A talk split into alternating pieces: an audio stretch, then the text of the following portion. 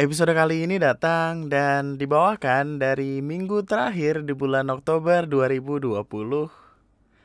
Bahasannya adalah tentang uh, proses menuju apa pun yang kita bilang, kita ucapkan atau kita kita sebut sebagai sukses. Uh, dan beberapa hal lainnya banyak hal yang pengen gue obrolin kali ini udah lama banget gue nggak full feeling kayak gini Nama gue Andri dan selamat datang di Lunatic Podcast.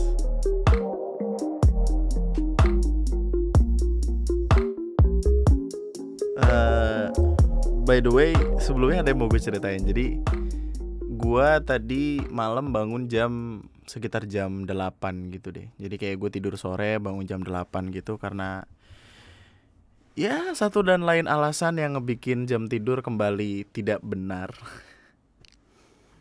Terus gue dari dari malam itu udah nyoba buat ngebikin podcast. BTW sekarang udah jam 10 pagi.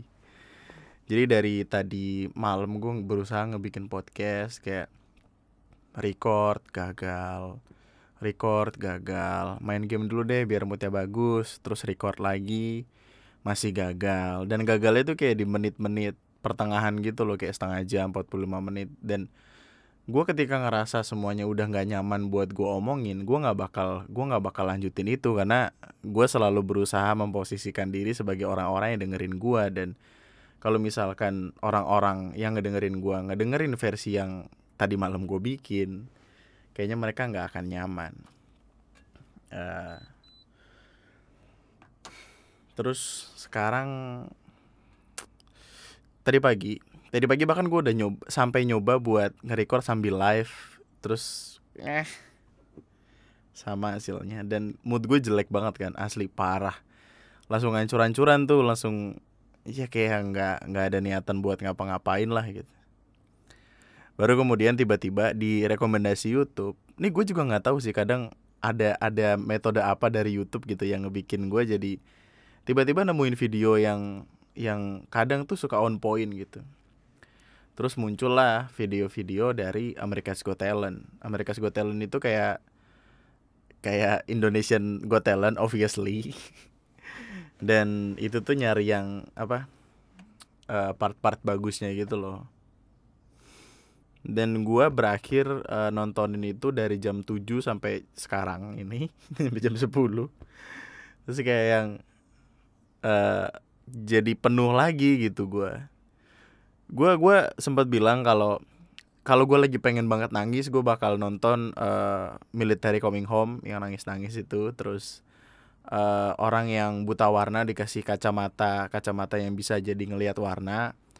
Terus nonton adegan-adegan atau scene-scene anime atau film yang sempat ngebikin gue nangis. Kayak uh, Anohimi Tahana, Kimi no Nawa, terus uh, ya hal-hal semacam itu loh kemudian gue nemuin metode baru nih kalau gue pengen full feeling kalau gue pengen mood gue jadi bagus kayak gue harus nonton America's Got Talent terus karena men ini gue baru tadi ya uh, gue baru nontonin yang 2000 tahun 2019 jadi kan ada uh, kayak kayak anak ABG gitu lah umur 22 uh, eh, dia blind gitu tunanetra katakanlah buta gitu dan autistik autism. Itu maksud gue dengan dengan dengan dengan satu aja tuh kita udah hidup susah banget gitu loh. Kayak autistik itu udah ngebikin gue nggak tahu sih gue tapi gue punya sempat punya teman yang autis autistik gitu. Autism autisme ya gitu gitulah dan pengalaman gue sama dia nggak terlalu baik sih. Ya emang orang satu sekolah juga nggak terlalu baik pengalamannya sama dia gitu Cuman setelah ngelihat beberapa orang yang ada di titik itu, ada ada di kondisi itu, gue bisa bilang kayak mereka nggak mau loh gitu, mereka nggak pengen loh ada di ada di keadaan itu. Jadi seenggaknya gitu ketika ketika Tuhan uh, nggak ngasih hal baik buat dia di di hidupnya, seenggaknya kita bisa nih ngebantu dia buat buat ngedapetin banyak hal yang dia nggak bisa dapetin sendirian gitu uh, dia tunanetra dan dia uh, kondisinya autis juga tapi dia bisa main piano main piano main gua aja yang yang ya udah gitu biasa-biasa aja main piano nggak bisa gua dan dia bisa nyanyi dengan suara yang bagus banget dan pure talent gitu. Kalau di Indonesia kan uh, ini sorry tuh saya ya, gua gua nggak tahu apakah ada yang tersinggung sama ini atau enggak. Tapi kebanyakan di Indonesia tuh acara-acara TV-nya ngasih ngasih apa? Ngasih panggung TV itu ya buat ngejual kesedihan dari orang-orang gitu, orang-orang yang katakanlah dengan kondisi-kondisi tertentu. Sedangkan yang gua tonton ini dia tuh nyanyi main piano dan emang suaranya bagus gitu jadi nggak nggak ngejual kesedihan ya emang sih gue juga nangis gitu tapi maksudnya uh, itu talent banget gitu dan gue gue juga gue sebenarnya sadar ini dari lama gitu. Ketika ada beberapa orang yang dalam hidupnya tuh punya kekurangan-kekurangan gitu. Katakanlah kekurangan fisik kayak nggak bisa ngeliat dan lain sebagainya. Indera yang lain tuh bener-bener bener-bener dapat advantage yang yang bahkan kita yang sebagai katakanlah orang orang biasa gitu. Gue nggak pengen nyebut normal kayak karena kesannya kayak aneh banget. Kita nih yang biasa aja tuh nggak nggak bisa gitu kayak waktu itu ada master chef di USA apa UK gue lupa.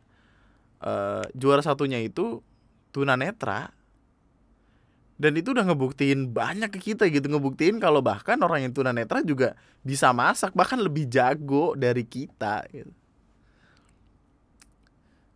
Dan mood gue jadi bagus banget sih makanya gue langsung langsung tap record ini. Uh, kadang kadang dunia berjalan uh, apa ya nggak selamanya kayak yang kita pengen gitu. Nggak nggak mungkin selamanya bisa kayak yang kita pengen terus terusan nggak mungkin semuanya bisa sesuai skenario yang kita bikin ketika skenario Tuhan tuh lebih bagus gitu. Gue nggak tahu ini masuk masuk ke scene skenario Tuhan yang lain atau gimana tapi dengan tiba-tiba nemuin video buat ya healing healing body gitu kayak anxiety gue tiba-tiba naik gara-gara berulang kali record podcast gagal terus tiba-tiba ada obat di YouTube. Ah itu dan itu gue saranin buat lu, juga sih. Kalau lu pengen nonton lu cari aja di YouTube gitu. Kayak America's Got Talent atau Britain's Got Talent. Banyak banyak hal-hal yang seenggaknya bikin kita seneng aja gitu ngelihatnya. Kayak kebahagiaan yang kita dapat ketika melihat orang lain menangis bahagia itu tuh feelnya beda banget men. Gue lebih suka membagi kebahagiaan daripada bahagia sendirian karena kalau kayak gitu tuh apa ya kosong gitu loh kalau bahagia sendirian tuh kayak kayak ya udah gitu kayak kita senang terus ya ya udah gitu.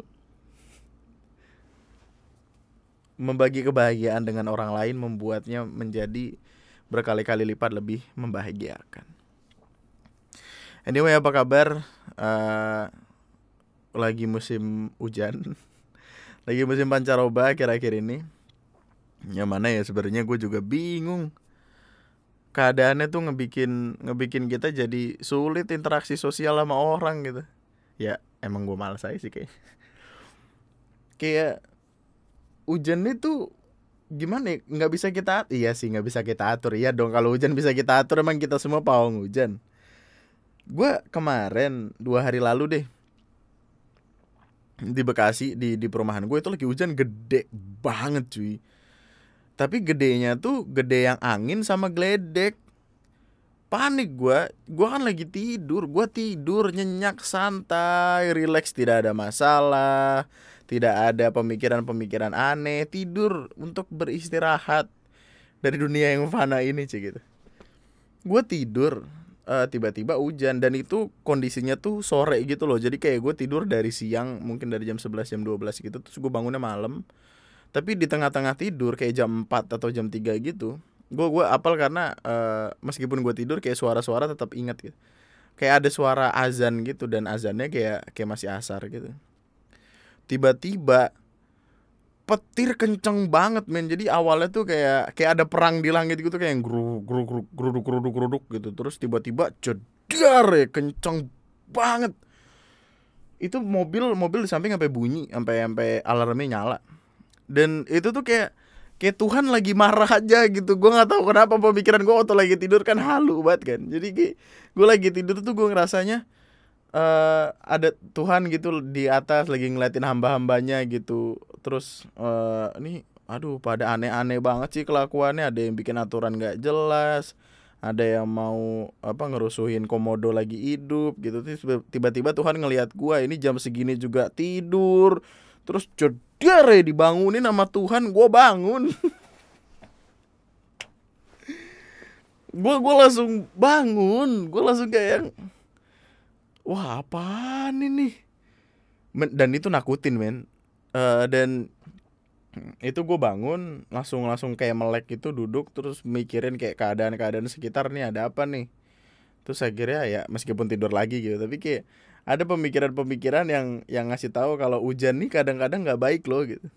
Gue gue tahu hujan adalah rezeki dari Tuhan yang nggak boleh kita tolak gitu karena banyak yang yang uh, butuh gitu sama hujan. Tapi kalau berlebihan juga kita bingung cuy.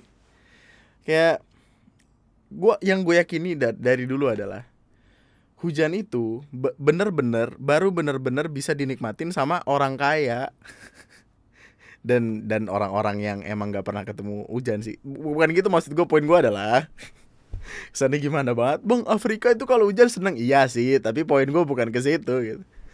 Poin gue tuh kayak kalau orang kaya tuh uh, di apartemen mewah atau rumah katakanlah rumah bertingkat-tingkat ada hujan terus kayak yang dia ngerasa wah hujan nih hawanya sejuk nginget-nginget mantan yang ninggalin kita gitu.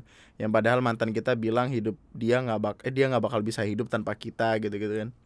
Terus kayak yang dia bisa nyetel lagu terus tidur dengan nyenyak gitu. Kalau orang-orang susah kayak kita hujan tuh nggak mikirin wah sejuk yang enggak Hujan tuh mikirin anjing ngangkat-ngangkatin kulkas, ngangkat-ngangkatin baju lemari, takut banjir ya kan. di rumah gua uh, gua kan sekarang di kontrakan kan.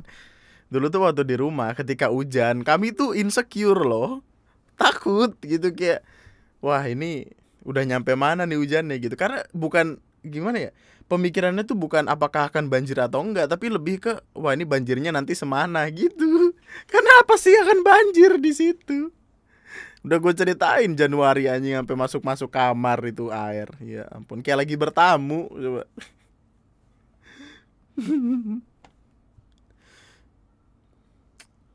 Tapi ya intinya jaga diri men, jaga kesehatan. Jaga jaga pola hidup sih. Karena di keadaan-keadaan kayak gini kita bakal jadi lebih gampang buat sakit gitu.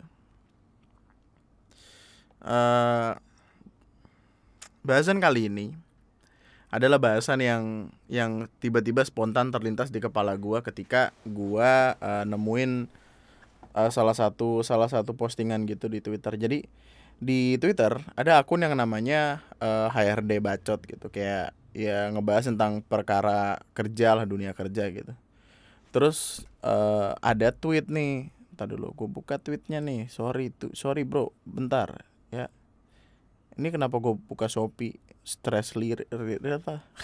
Stress relief. Gue kayak tadi langsung nyari-nyari di Shopee gitu kan. Hanya ini barang apa ya yang sekiranya bisa gue beli buat ngeredain stres gitu tuh oke uh, jadi di Twitter HRD Bacut ini nge-tweet nge-tweet nanyain tentang uh, nih coba dong reply tweet ini pakai format how it started sampai how it how it's going versi dunia kerja. Uh, how it started hmm, bagaimana itu bermulai eh pokoknya gimana gimana itu pada awal gimana itu waktu mulai sama sekarang kondisinya gimana gitu lah. Terus gue uh, langsung mikir nih kayak oh iya ya dulu gue waktu awal-awal nge YouTube tuh awal-awal fokus ke YouTube maksud gue itu tuh kayak penuh struggle gitu loh. Banyak banyak banget tantangan dan segala macem. Terus gue akhirnya nyari nyari file lama nih nyari nyari foto lama yang yang udah ketimbun lah di mana mana gitu.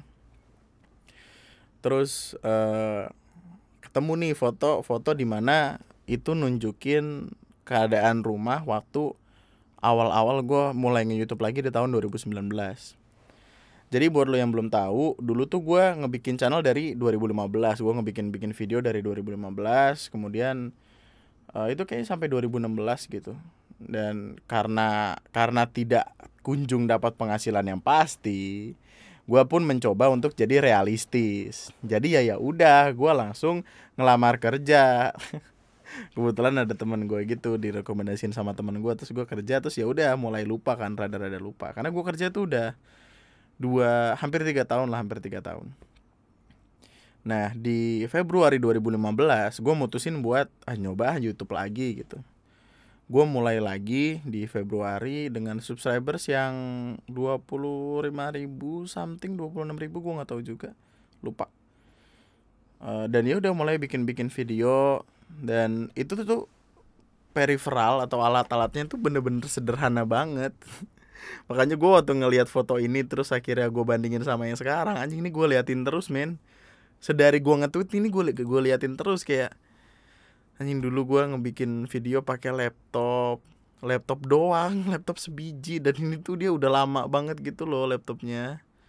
Laptop ini dari gua SMK kelas 2 uh, eh, Lenovo G400S dan itu udah ngelek banget karena sering banget gua install ulang kan terus mouse uh, terus mikrofon. Mikrofonnya juga ya sederhana aja gitu yang budget banget lah pokoknya neken budget gitu.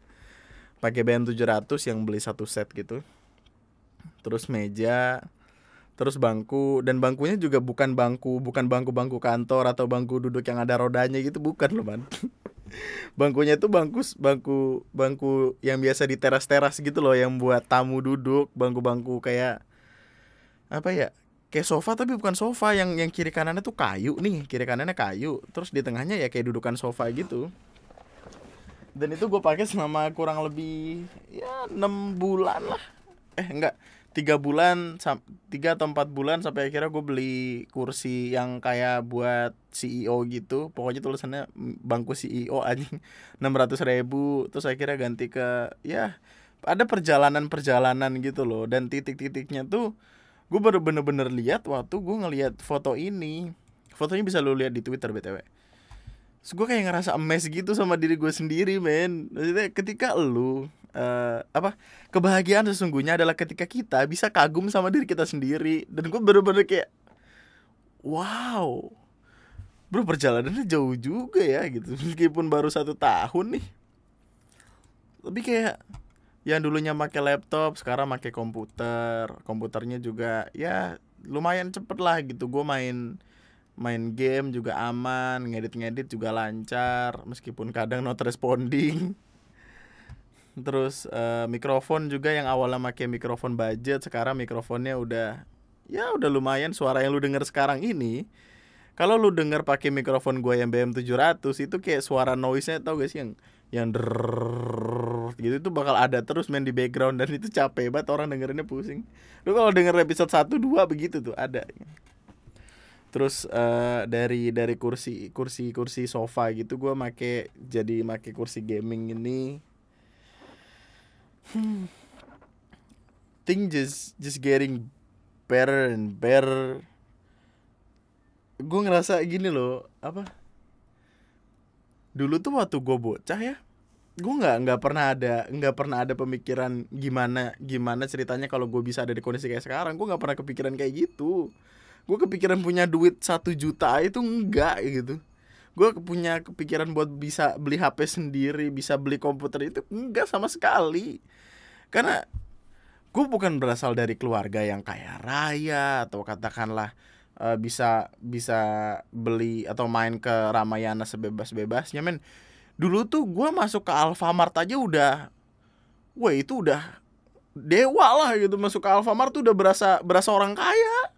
Meskipun di Alfamart cuma beli permen nama Ciki juga udah kaya banget hitungannya. Terus oh my god. It is so uh kesenangan ini tuh ngebikin gue langsung balik-balik ke ini loh balik ke masa-masa di mana gue dulu tuh masih masih duit tuh mikir-mikir banget gitu. Waktu itu nih waktu itu sempet ada seorang teman datang ke gue kayak man uh, eh, gue minjem goceng dong gue mau beli nasi padang gitu. Dan gue di kondisi yang gak punya duit gue gue tidak memberikan dia duit tapi gue langsung nanya eh di mana nasi padang goceng? Ayo beli gitu nasi padang rata-rata ceban tiba-tiba ada yang goceng ayo ikut gue ikut yuk nasi padang gitu. Kita makan berdua nggak apa-apa gue yang bayar gitu. Ceban satu jadi dua nggak apa-apa gitu. Aja gue nggak pernah gue nggak pernah kebayang gimana rasanya punya kebebasan finansial lah sederhananya kayak gitu dan uh, banyak banyak hal yang yang berlalu gitu. Banyak hal yang yang pada akhirnya gue lewatin dari hidup gue sampai akhirnya ada di titik kayak sekarang. Gue nggak gue nggak mau bilang kalau diri gue sukses gitu. Sukses itu cuman cuman kalimat semu yang yang beda-beda juga worksnya buat orang-orang kan. Apa-apa yang gue bilang gue bilang sukses mungkin beda menurut lo gitu. Orang lain pun begitu sukses di mata gue tuh cuman ya gue bisa boker tanpa perlu mikirin hal-hal lain di luar sana. Kayak gue bisa boker dengan tenang tanpa bawa HP gitu. Kayak katakanlah lo kan kalau boker gitu boker tuh bingung tau. Kayak kalau nggak bawa HP kan kita kayak ngebacain semua hal yang ada di kamar mandi gitu. Terus akhirnya kepikiran beberapa hal yang tiba-tiba entah datang dari mana gitu. Terus kayak anjing ini besok makan apa? Ntar lebaran pulang kampung apa enggak? Gitu gitulah gue pengen punya rumah gue pengen uh, punya kontrakan biar dapat duit tanpa perlu ribet-ribet gitu-gitu. Dan banyak banyak hal yang uh, apa ya sekiranya harus gue korbanin gitu. Dan dan ini mungkin akan akan juga terjadi untuk beberapa orang. Karena ketika kita ada di langkah-langkah di mana kita harusnya uh, mendekatkan di makin makin dekat sama kesuksesan yang kita pengen bakal makin banyak hal yang yang yang rasanya tuh harus kita korbanin. Kayak yang yang paling yang paling sering gua rasain tuh hilangnya waktu sama temen gitu. Nggak eh, hilang sih bener-bener berkurang lah. Nggak nggak nggak bener-bener hilang. Gua gua tuh sempet ada di titik di mana gua uh, mau main aja tuh masih kepikiran sama hal-hal yang apa yang ada sangkut pautnya sama kerjaan. Jadi kayak badan gue harusnya having fun nih tapi pemikiran gue masih ketinggalan di rumah masih mikirin voice ya kan? Orderan masuk berapa email besok balasnya gimana gitu. Pernah gue ada di titik kayak gitu tuh pernah. Jadi uh, kita bakal bakal punya sedikit waktu sama temen gitu. Dan mungkin dari sana juga kita bakal jadi bisa nih buat uh, apa ya ngebenerin ruang lingkup pertemanan kita gitu. Karena yang yang nggak bener-bener temen tuh pasti bakal cabut man. Pasti bakal cabut. Kayak gue sempat ada masanya di mana gue uh, lama banget nggak main nih sama teman-teman gue nih. Terus tiba-tiba ketika gue main ada kalimat yang bilang kayak ya lu kerja mulu main lah lu kerja apa dikerjain? Mesti kayak bro tolong nih pertama-tama gini beban kita berdua beda nih ya ya beban lu jangan nyamain beban lo sama beban gua dong. Kalau lu punya duit segala macam ya suka-suka lu. Beban gua adalah gua punya adik gua punya nyokap gua punya keluarga yang harus dikasih makan nih gitu. Kita beda nih frekuensinya jangan disamain loh.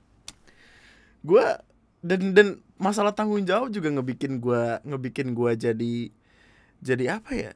Jadi males ngedenger kata-kata itu kayak lu kerja apa dikerjain? Bro masalahnya nih tanggung jawab ada di tangan gua. Lu kalau gak ngerasain gimana rasa jadi gua diem gue megang salah satu salah satu uh, posisi yang katakanlah cukup penting gitu untuk perusahaan dan dan kalau gue nggak benar-benar mikirin itu ya gue gue kelar gitu. Jadi keluar apa uh, kerjaan tuh bisa bisa sempoyongan gitu. Kayak kalau dari atasnya udah salah ke bawah makin ke bawah ya salah gitu. Ntar tiba-tiba nyampe customer malah malah nggak sesuai ya habis. Dan tanggung jawab itu tidak bisa dikatain kayak yang lu kerja apa dikerjain. Ini masalahnya gue gue butuh duit buat makan anjing. Kalau lu bisa ngasih gue makan ya nggak apa-apa. Dari situlah kayak pertemanan tuh bakal bakal ini loh apa bakal bakal kepotong-potong gitu sendiri. Dan itu nggak apa-apa gitu. Nggak ada yang salah dengan itu. Kayak yang pernah gue bilang gue tuh sangat amat menyukai temen yang emang beneran temen yang ya meskipun kita nggak ngobrol sama dia seminggu dua minggu atau sebulan bahkan tapi ketika kita ketemu ke kita bakal fun fun aja gitu kayak bakal ketawa santai aja dan itu emang temen. Temen tuh nggak yang tiba-tiba waktu lu jarang main lama main tiba-tiba lu datang dia kayak ih kerja apa dikerjain? Eh anjing.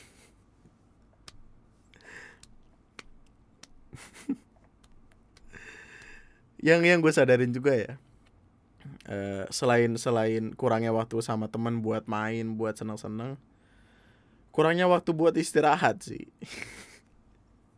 Kayak yang gue bilang tadi gue tidur jam jam berapa semalam? Eh enggak semalam. Gue tidur sore siang. Eh sore jam jam 3 bangun jam 8 atau jam 9 gitu. Terus bangun-bangun ngebikin podcast gagal mulu aja dan waktu istirahat tuh bener-bener jadi kacau men.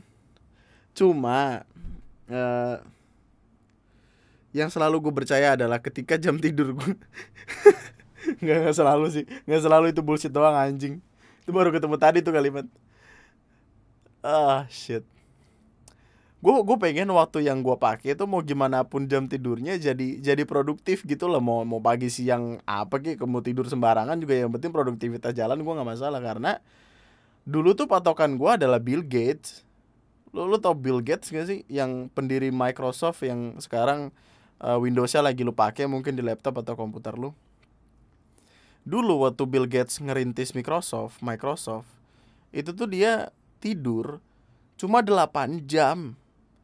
Seminggu. Eh tolong digaris bawahi 8 jam. Seminggu. Gua well gua nggak tahu ini bener apa enggak sih karena gua baca-baca di artikel tapi artikelnya banyak yang ngejelasin tentang itu. Coba lu bayangin 8 jam seminggu. Itu artinya sehari cuma satu sekian jam gitu dan dedikasi itu penting loh sih dedikasi untuk menuju kesuksesan itu penting.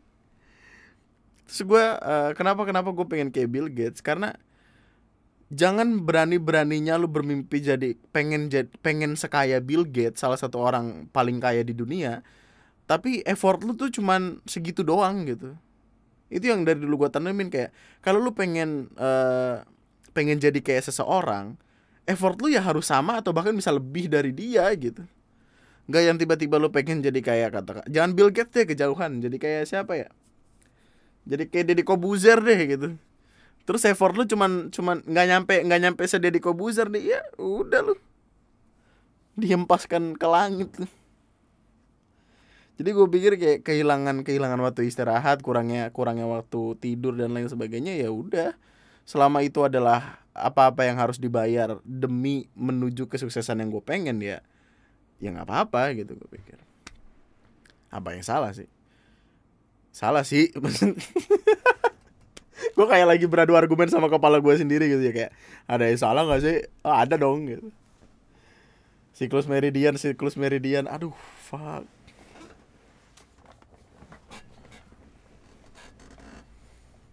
yang sempat ada di pikiran gue adalah ya udahlah nggak apa-apa sekarang gue tidur sembarangan yang penting nanti ketika tua gue bisa tidur dengan nyenyak karena gue kaya terus gue bisa tidur seenak yang gue mau bisa loh gue tidur 20 jam pernah soalnya Aduh. Selain selain selain istirahat waktu waktu santai itu juga kan berkurang kan. Terus uh, apa ya?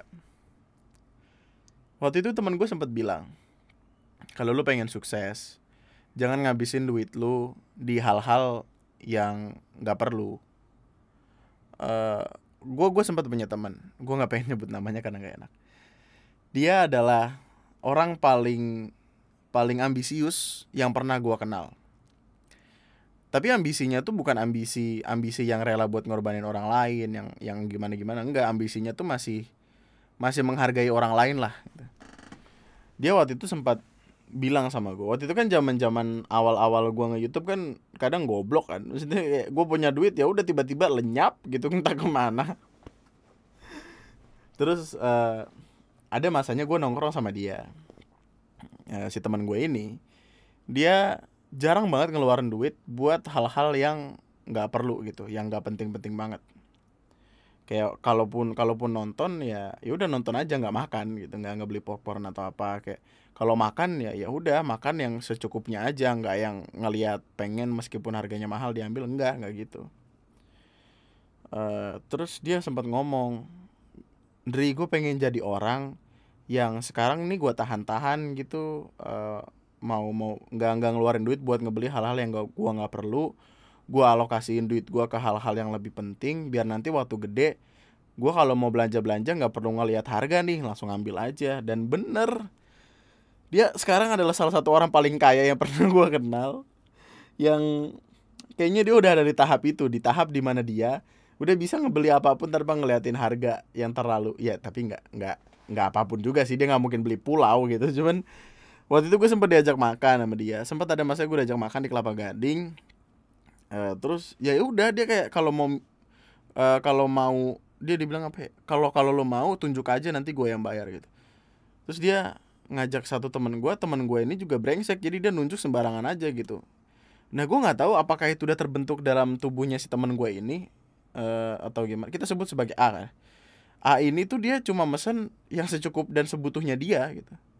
Dia nggak nggak bakal mesen terlalu banyak gitu. Sedangkan salah satu teman gue emang brengsek dia nunjuk nunjuk nunjuk asal gitu. Terus kayak yang ya udah nggak apa-apa sih santai dan gue amazed gitu dia bisa menahan diri dari semua godaan yang ada. HP-nya aja tuh iPhone iPhone berapa sih? Yang yang kecil itu masih kecil gue nggak tahu. SE SE tahun berapa apa iPhone 4 gue nggak tahu lupa.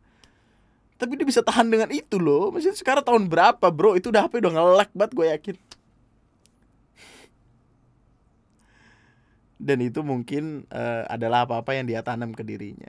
Sederhana mungkin orangnya dan gue senang sama prinsip hidupnya dia. Makanya setelah gue main sama dia no, apa bukan nongkrong apa namanya ngobrol-ngobrol banyak sama dia gue sadar kalau gue konsumtif banget nih ngeluarin duit banyak buat hal-hal yang yang wadaw lah gitu. Nah sekarang sekarang ini jadinya gue berubah jadi orang yang ya kalau beli apa-apa tuh yang yang bisa dipakai. Apa sih namanya dari tadi gue tadi itu gue udah berkali-kali ngebikin podcast. Lupa ini sebutannya apa uh, pokoknya yang bisa dipakai lah gue nggak bakal beli barang-barang yang nggak nggak bisa gue pakai gitu. Komputer butuh HP butuh laptop butuh kamera butuh lighting apalagi ini dan itu eh nggak boleh beli duit eh beli duit nggak boleh beli barang sembarangan. Dan ya gue mengurangi hal itu sih kecuali makanan makanan emang nggak bisa diganggu gugat aja namanya orang lapar mah ya itu alasan aja dan itu mungkin bisa kita jadiin acuan buat kita kita juga gitu ngebeli barang yang yang cuma cuma kelip-kelip di mata doang tanpa tanpa bagus apa ke depannya ya buat apa juga gitu. kunci kesuksesan adalah salah satunya adalah dengan pintar-pintar mengalokasikan uang nggak bisa tuh lu bikin kaya tapi duit tuh lu pakai buat sembarangan. Nggak mungkin. Investasi gitu biar bagus. Gue aja semenjak kenal investasi langsung kayak ah taruh di sini taruh di sini. Itu lebih baik daripada duit gue hilang buat katakanlah ngebeli ngebeli tas Hermes 80 juta juh. Beli tas 80 juta isinya dompet dompetnya isinya gocap. Dan apa ya hal-hal lainnya gitu yang gue korbankan adalah waktu untuk terus nyoba gitu. Waktu untuk terus belajar dari kegagalan-kegagalan yang pernah gue laluin. Karena kalau lu sadar YouTube gue atau jangan jangan YouTube deh kayak segala macam yang gue coba gitu. Kayak tulisan foto foto-foto itu tuh ada trial and error gitu. Dan ngorbanin waktu buat belajar itu kayaknya lebih bagus daripada ngorbanin waktu buat main game atau atau nontonin video-video YouTube nggak guna kayak channelnya TNM apa itu? Sampah.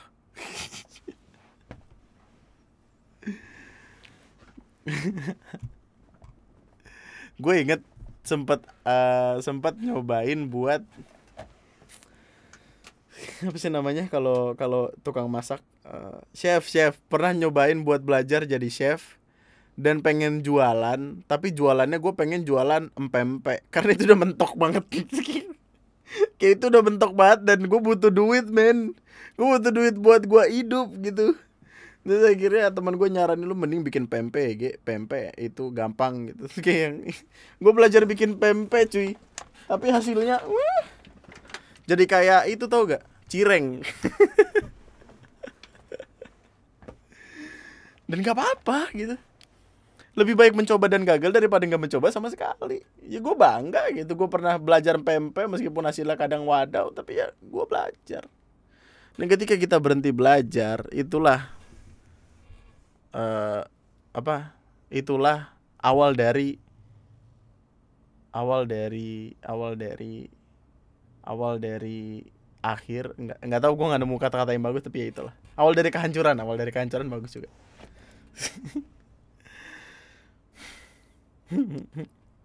dan itu kan tadi tadi yang kita yang kita korbanin kan. Yang itu juga ada ada beberapa yang ya gua korbanin juga gitu. Tapi ada beberapanya ada beberapa masalah-masalah standar dari menapaki tangga-tangga yang namanya kesuksesan itu. Dan itu banyak. Kalau tadi kan kalau tadi kan itu kayak apa yang kita korbanin. Sekarang tuh kayak masalah-masalah itu yang menapaki. Kita ke yang standar dulu deh. Males males itu. Males itu tuh racun banget sih anjing sih. Gue kalau kalau bisa ketemu sama males gue gue pengen tampolin injek injek sampai uh gue habisin gitu. Masalahnya ini dia ngerusuh aja hidupnya. Kita udah pernah nggak sih lu ada di sebuah sebuah uh, masa di mana ide lu tuh cemerlang banget buat ngelakuin sesuatu? Lu punya niatan yang menggebu-gebu buat ngebikin sesuatu. Tiba-tiba waktu lu lagi ngelakuin setengah jalan terus pas lu sadar kayak ah capek ya males gitu. Nah pernah nggak? Pernah nggak? Kayak kayak gini deh gue ambil contoh nulis. Dulu tuh gue suka banget main nulis. Lu lu bisa tul lihat tulisan tulisan gue gue udah berkali-kali ya sih apa promoin ini. Cuman dulu tuh gue seneng banget nulis saking senengnya tuh di jalan gue bisa dapetin ide yang tiba-tiba breng gitu. Wah ini bagus nih kalau jadiin tulisan gitu terus gue langsung seneng menggebu-gebu gitu uh, terus langsung langsung ke rumah buka laptop terus ngetik ngetik ngetik ngetik. Pas di pertengahan jalan tiba-tiba kayak yang apa ini? Terus kayak akhirnya cabut gitu. Karena males. Malas gue ngelanjutin males buat apa ya malas buat menyelesaikan apa apa yang kita mulai. Jadi kayak harus ada konsistensitas yang tinggi untuk memulai sesuatu gitu. Dan kemalasan tuh kayak salah satu racun yang paling yang paling brengsek. Apalagi kayak kayak distraksi-distraksi gitu deh. Males itu biasanya datang karena distraksi-distraksi yang tidak penting. Dia tuh kayak jalan seiringan gitu loh. Males distraksi. Uh jalan lurus dia berdua-duaan. Kayak gini deh. Uh, lagi sibuk-sibuknya ya kan ngejar ngejar mimpi gitu. Terus tiba-tiba uh, kamar ternyata berantakan nih. Akhirnya lu yang awalnya ngelakuin sesuatu buat ngejar mimpi lu entah ngetik entah bikin video entah apa lu lebih milih buat rapiin kamar. Kamar beres lu lanjut lanjut ngerjain itu kan. Ngerjain lanjut tiba-tiba ada notif dari HP uh, eh, WhatsApp dari crush ya gitu. Dari orang yang disayang gebetan terus cacetan cacetan tiba-tiba lupa tidur. Deh gitu.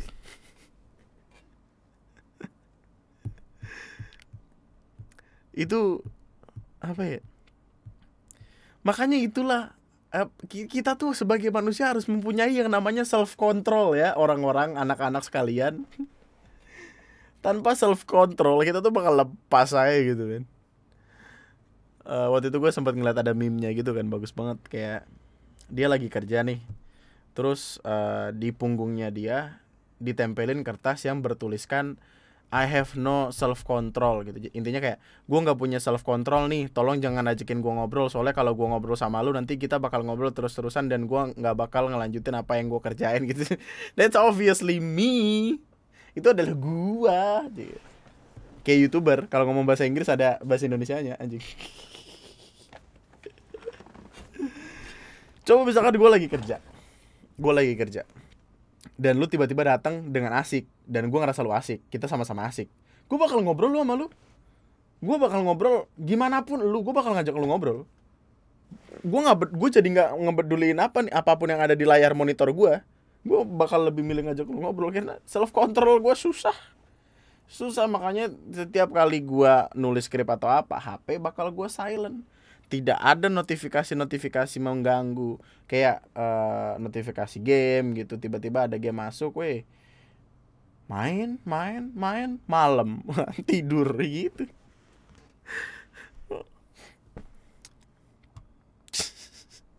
Kita nggak boleh nggak boleh gampang ke distract deh ya.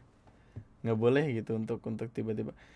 Di kantor dulu di kantor gue dulu sempet uh, diomelin sering banget malah diomelin ketika gue tuh terlalu sering ngobrol.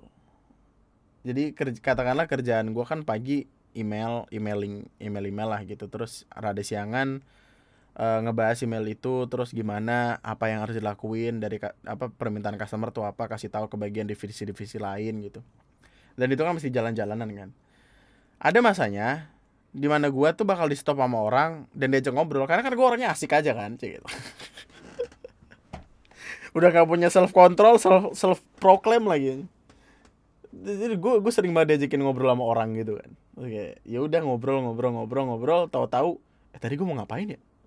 Ini kalau mau ngomongin astaga lupa gitu. Terus saya kira kelewatan waktunya terus gue diomelin gitu. Itu sering terjadi di gue dan itu bagusnya harus lu ingat di kepala lu sih konsisten itu penting. Self control itu sangat penting supaya lu bisa tetap on point sama apa pun yang mau lu lakuin. Dan ya gue kita balik lagi ke foto yang tadi. Gue ya sekarang bisa nyimpulin dengan sadar nih gue bisa nyimpulin dengan sadar kalau dua tahun lalu sama gue yang sekarang itu tuh udah udah bisa dibilang bener-bener jauh banget bedanya. Gue gue udah belajar banyak hal dua tahun ke belakang gini. Apa pun itu tentang YouTube tentang tentang kehidupan tentang teman-teman tentang keluarga hubungan relationship kan? Ya gue udah bukan lagi orang yang sama di dua tahun lalu nih. Gue tahu apa hal yang bagus apa yang enggak dan dan itu semua uh, mulai sedikit demi sedikit tertata. Karena gue punya tujuan karena gue punya achievement yang pengen gue raih dan nggak boleh jauh-jauh dari gue uh, gue pengen sukses. Dan sukses yang gue mau adalah ya yang tadi gitu dengan punya rumah. Gue pengen punya rumah gue sendiri biar nyokap sama adik gue nggak lagi kepikiran tentang banjir dan tidur. Itu capek loh men. Tidur tuh nggak tenang nyamuk apalagi. Rumah gue kan deket kebon nyamuknya di mana mana anjing. Lu pernah gak sih lagi tidur tiba-tiba di tangan lu ada 20 nyamuk lagi nyedotin darah lu. Lu nggak lagi donor darah tapi tiba-tiba itu hmm, merinding gue kalau inget. Pertama kali gue tidur di rumah itu kan emang emang belum banget tertata namanya rumah baru dibangun dan emang sampingnya kebun eh, nyamuk-nyamuk mungkin masih merasa kalau itu rumah dia dari dari nyamuk pada stay di situ. Pertama kali gue tidur di rumah itu gue nangis gara-gara nyamuk enggak enggak gara-gara disakitin gara-gara broken home. Enggak gara-gara nyamuk. Pernah nggak lu nangis gara-gara nyamuk?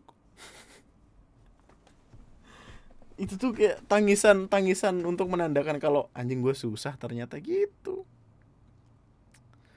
Gue gue pengen uh, punya rumah. Gue pengen nyekolahin adik gue sama nyokap gue eh nyekol apa sih? Nggak mungkin dong itu pasti salah ngomong dong. Masa iya gue nyekolahin mak gue nggak mungkin dong. Ya mungkin sih tapi kan nggak. Gimana sih? Gue pengen nyekolahin adik gue gitu. Sampai sampai kuliah sampai lulus kuliah satu. Karena gue nggak kuliah. Gue pengen adik gue kuliah yang bener yang pinter supaya dia dipandang lah sama orang-orang gitu. Meskipun pandangan nggak terlalu penting lagi di mata gue tapi gue pengen dia jadi orang jadi manusia seutuhnya yang berpendidikan gitu. Nggak kayak abangnya yang ngomong apaan aja tuh asal. Terus uh, eh, gue pengen punya kontrakan sih man. Gue pengen gue pengen punya kontrakan yang banyak gitu biar biar gue bisa dapat pasif income. Gue tidak melakukan apa-apa tapi duit ngalir. Ya paling bener-benerin genteng air bocor ya gitu-gitu mah. Santai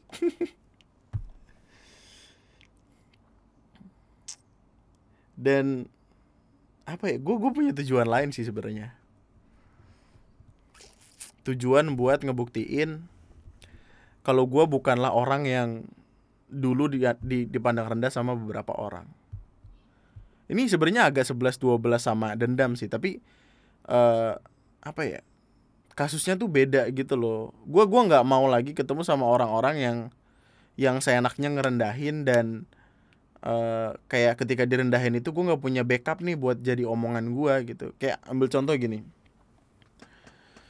Ini gue masih sebel sih sampai sekarang tapi tapi yang ini bener kayak uh, waktu itu gue masih sama sama adalah mantan sebelumnya ya gitulah. Terus mantan gue ini punya temen. Waktu itu gue lagi telepon lagi telepon dia terus uh, di balik layar kayak kayak temennya nanya itu siapa? Cowok lu ya? gitu. Terus kayak uh, oh yang youtuber itu ya youtuber kampung. Ini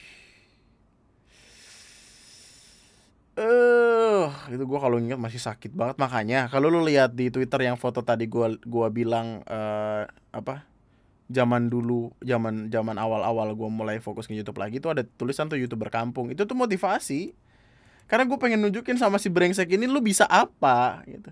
Kayak apakah lu nanti akan lebih sukses dari gue sepertinya tidak gitu. Kayak ada. Dan lu lihat gue sekarang gitu gue gue bisa lebih baik dari itu bahkan. Tapi waktu itu gue nggak bisa ngomong apa-apa karena ya emang emang gue juga menyadari kalau konten gue waktu itu masih lah busuk gitu dan dan gak bagus-bagus sama tapi sekarang ya gue lebih gue lebih baik gitu. Dan itu tuh bagus gitu. Kadang ada beberapa pembalasan dendam yang gak dendam dendam nggak dendam dendam amat tapi lu bisa dengan sadar percaya kalau itu bisa lu rubah dan ketika lu berhasil ngerubah itu lu bakal punya kesenangan tersendiri yang harganya tuh bahkan mahal banget. Gue udah sempet cerita belum yang yang eh gue lupa deh. Gue udah sempet cerita belum sih ketika gue bilang yang perkara mantan gue yang udah lama banget itu? Pokoknya gue ada mantan nih dia dia sebelumnya mantan yang kemarin. Anjing kayak kesannya mantan gue banyak banget ya bangsat pokoknya ada mantan yang paling pertama yang gak asik. Nggak pertama juga sih. Pokoknya ada yang yang paling gak asik lah. Ada salah satu mantan gue yang gak asik. Terus dia bilang kayak uh, waktu itu lagi ngebahas-bahas tentang perkara mobil-mobilan gitu. Sampai akhirnya dibilang kayak oh uh, lu kan nggak bisa punya mobil intinya ya intinya lu kan nggak bisa punya mobil. Orang lu nggak mampu. Idih. Lu lihat lu lihat ntar gue punya helikopter. Kagak mobil helikopter. Helikopter ntar lu gua uh, sabet-sabet pakai baling-baling helikopter lu mampus lu. Terus gue parkir di atas rumah anjing. Yang kayak gitu kayak gitu tuh jadi motivasi banget loh man. Bener-bener jadi motivasi kayak Woi lu nganggap gue rendah nih sorry. Dengan keadaan lu yang kayak sekarang makan. Aja gitu. Maksudnya lu nggak lu nggak keren-keren amat loh. Maksudnya lu lu nggak sukses amat loh di depan gue gitu gue bisa jauh lebih sukses dari lu gitu. Meskipun kesannya rada-rada wadaw sih ketika kita meminta meminta doa gitu. Eh minta doa. Doa minta bantuan sama Tuhan gitu supaya hidup kita lebih baik. Tapi ketika hidup kita lebih baik kita malah jadi orang yang yang yang kayak gitulah pokoknya. Balas dendam aja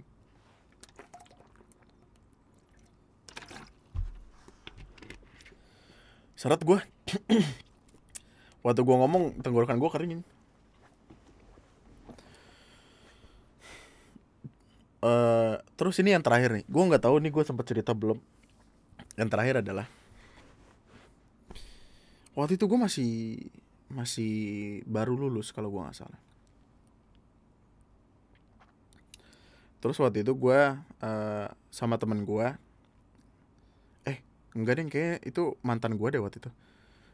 Anjing banyak banget mantan. Enggak enggak, enggak kayaknya kayaknya kayak sama mantan. Gue jadi gue nganterin dia buat interview di uh, uh, salah satu ya gue nggak Giant Giant di Giant. Jadi ada uh, mantan gue waktu itu mau kerja di Giant. Terus dia interview gitu kayak jadi kasirnya gitu. Terus uh, waktu kan gue nemenin dia terus gue nungguin kan. Waktu nunggu tuh ada orang lain yang mau uh, interview juga terus kayak gue kayak yang ditawarin rokok gitu kan. Terus gue kayak yang oh enggak sorry nggak ngerokok. Emang waktu itu belum ngerokok sih. Terus dia ngeliat gue kayak ih cowok nggak ngerokok? Gitu. Enggak buat apa ngerokok? Gitu. Nah tiba-tiba dia nanya uh, lu ke sini ngapain nganterin ini nganterin cewek gue mau mau interview kerja gitu. Terus dia langsung ketawa seriously ketawa bener-bener ketawa kayak ngerendahin gue kan. Ketawa banget sampai uh, apa ya? Mungkin kayak waktu itu karena gue buluk banget apa gimana gue nggak tahu juga sih. Tapi itu nyakitin banget men. Nyakitin banget kayak seolah-olah gue seolah-olah pertama gue nggak punya duit dan uh, kayak gue nggak patas pacaran dan gitu gitulah Yaman itu nyebelin banget buat gua gitu. Lu lu men lu nggak kenal gua kenapa tiba-tiba lu ngejat gua seolah-olah lu tahu banget gua siapa? Gua marah di situ dan ya akhirnya jadi jadi pemicu pemicu lainnya. Dari dari dari tadi kan ada tiga tuh. Dari tiga pemicu itu itu tuh makin ngebikin gue semangat buat ya udah bikin diri gue jadi lebih hebat dari sekarang biar gue sukses nantinya biar gue bisa uh, ng nganjing nganjingin orang-orang kayak gitu. Orang ngegoblok kayak gitu emang. Kalau ngelihat orang tuh lu lihat ya kesel banget gue gue yakin orang itu sekarang masih susah aja gitu anjing. Gue yakin orang itu masih susah aja gitu Enggak sih tapi gue bersyukur banget men. Gue bersyukur banget ada titiknya sekarang. Gue gue pengen bener-bener uh, jadi jadi jadi sosok yang unpredictable. Unpredictable itu masih menyenangkan ya, kelihatannya susah tapi enggak gitu gue seneng. Kalau susah doang kalau eh gimana ya? Kan kelihatan susah ketika sebenarnya enggak itu menyenangkan. Tapi kalau kelihatannya susah doang nggak ada pembuktiannya kan ya ya udah lu. Gue pengen ketemu sama orang-orang kayak waktu itu yang gue kayak dilihat rendah banget kayak gue hama gitu di mata dia.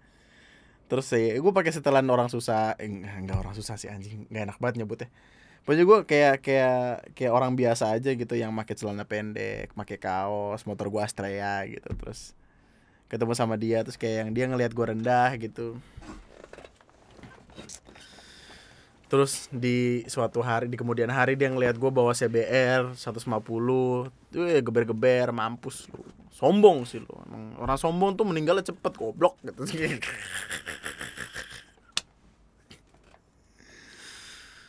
Ah. Gue rasa penting buat orang-orang punya dua tujuan yang saling berkesinambungan gitu supaya kalau yang satunya mulai hilang dari ingatan tujuan yang lain tuh kayak bisa narik nih. Bisa megang supaya dua-duanya itu tetap tetap jalan beriringan gitu. Jadi kayak uh, di sisi lain gue pengen pengen sukses gitu. Pengen pengen punya rumah pengen sekolahin ade pengen apa apa apa gitu. Tapi di sisi lain ada pembuktian nih. Ada pembuktian yang pakai pengen uh, lu dulu kayak bangsa sih.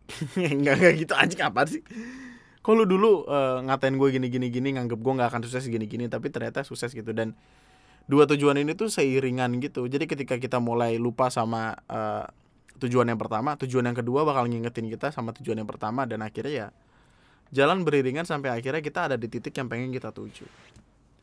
Gue tahu sukses buat orang tuh beda-beda langkahnya beda-beda waktunya beda-beda dan nggak ada yang salah dengan itu. Kalau lu nggak bisa sukses dalam waktu 10 tahun ke depan ya nggak apa-apa kalau di 20 tahun ke depan. Yang penting nggak berhenti berusaha.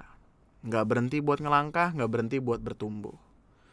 Jadi ya gue udah gue seneng karena gue masih ada di jalurnya. Gue masih ada di tongkat estafet yang kesekian sebelum akhirnya nyampe di finish finish lain. Dan gue seneng bisa nyeritain ini ke lu. Seneng gue kayak gue gue nggak nyangka gitu gue bisa punya teman cerita sebanyak ini meskipun sekarang uh, listenernya emang rada berkurang tapi gue tahu orang-orang yang emang dengerin gue sekarang adalah orang-orang yang bener-bener gue butuhin ketika gue butuh temen buat bercerita. Gue selalu bilang makasih uh, sama lu karena lu udah mau nemenin gue bertumbuh. Tapi buat kali ini uh, eh, gue pengen bilang makasih karena lu udah mau dengan senang hati gue temenin buat bertumbuh juga karena gue tahu nih kayaknya kalau bertumbuh sendirian akan egois banget egois sendirian. Jadi kita udah hampir dua tahun loh gitu. kita udah hampir dua tahun nih bareng-bareng lu dengerin gue udah cukup lama gitu buat tahu semua cerita gue yang mungkin udah gue ceritain berulang kali berulang kali gitu. Tapi lu nggak nggak bosan dengerin gue dan tetap stay uh, kita kita bertumbuh bareng-bareng lah.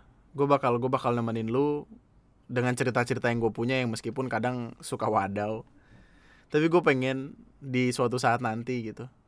Ketika lu udah sampai ada di titik puncak kesuksesan lu terus lu uh, ketemu gue sambil cerita semua pengalaman lu dan lu cerita kalau dulu ketika ngejar impian itu lu dengerin suara gue men.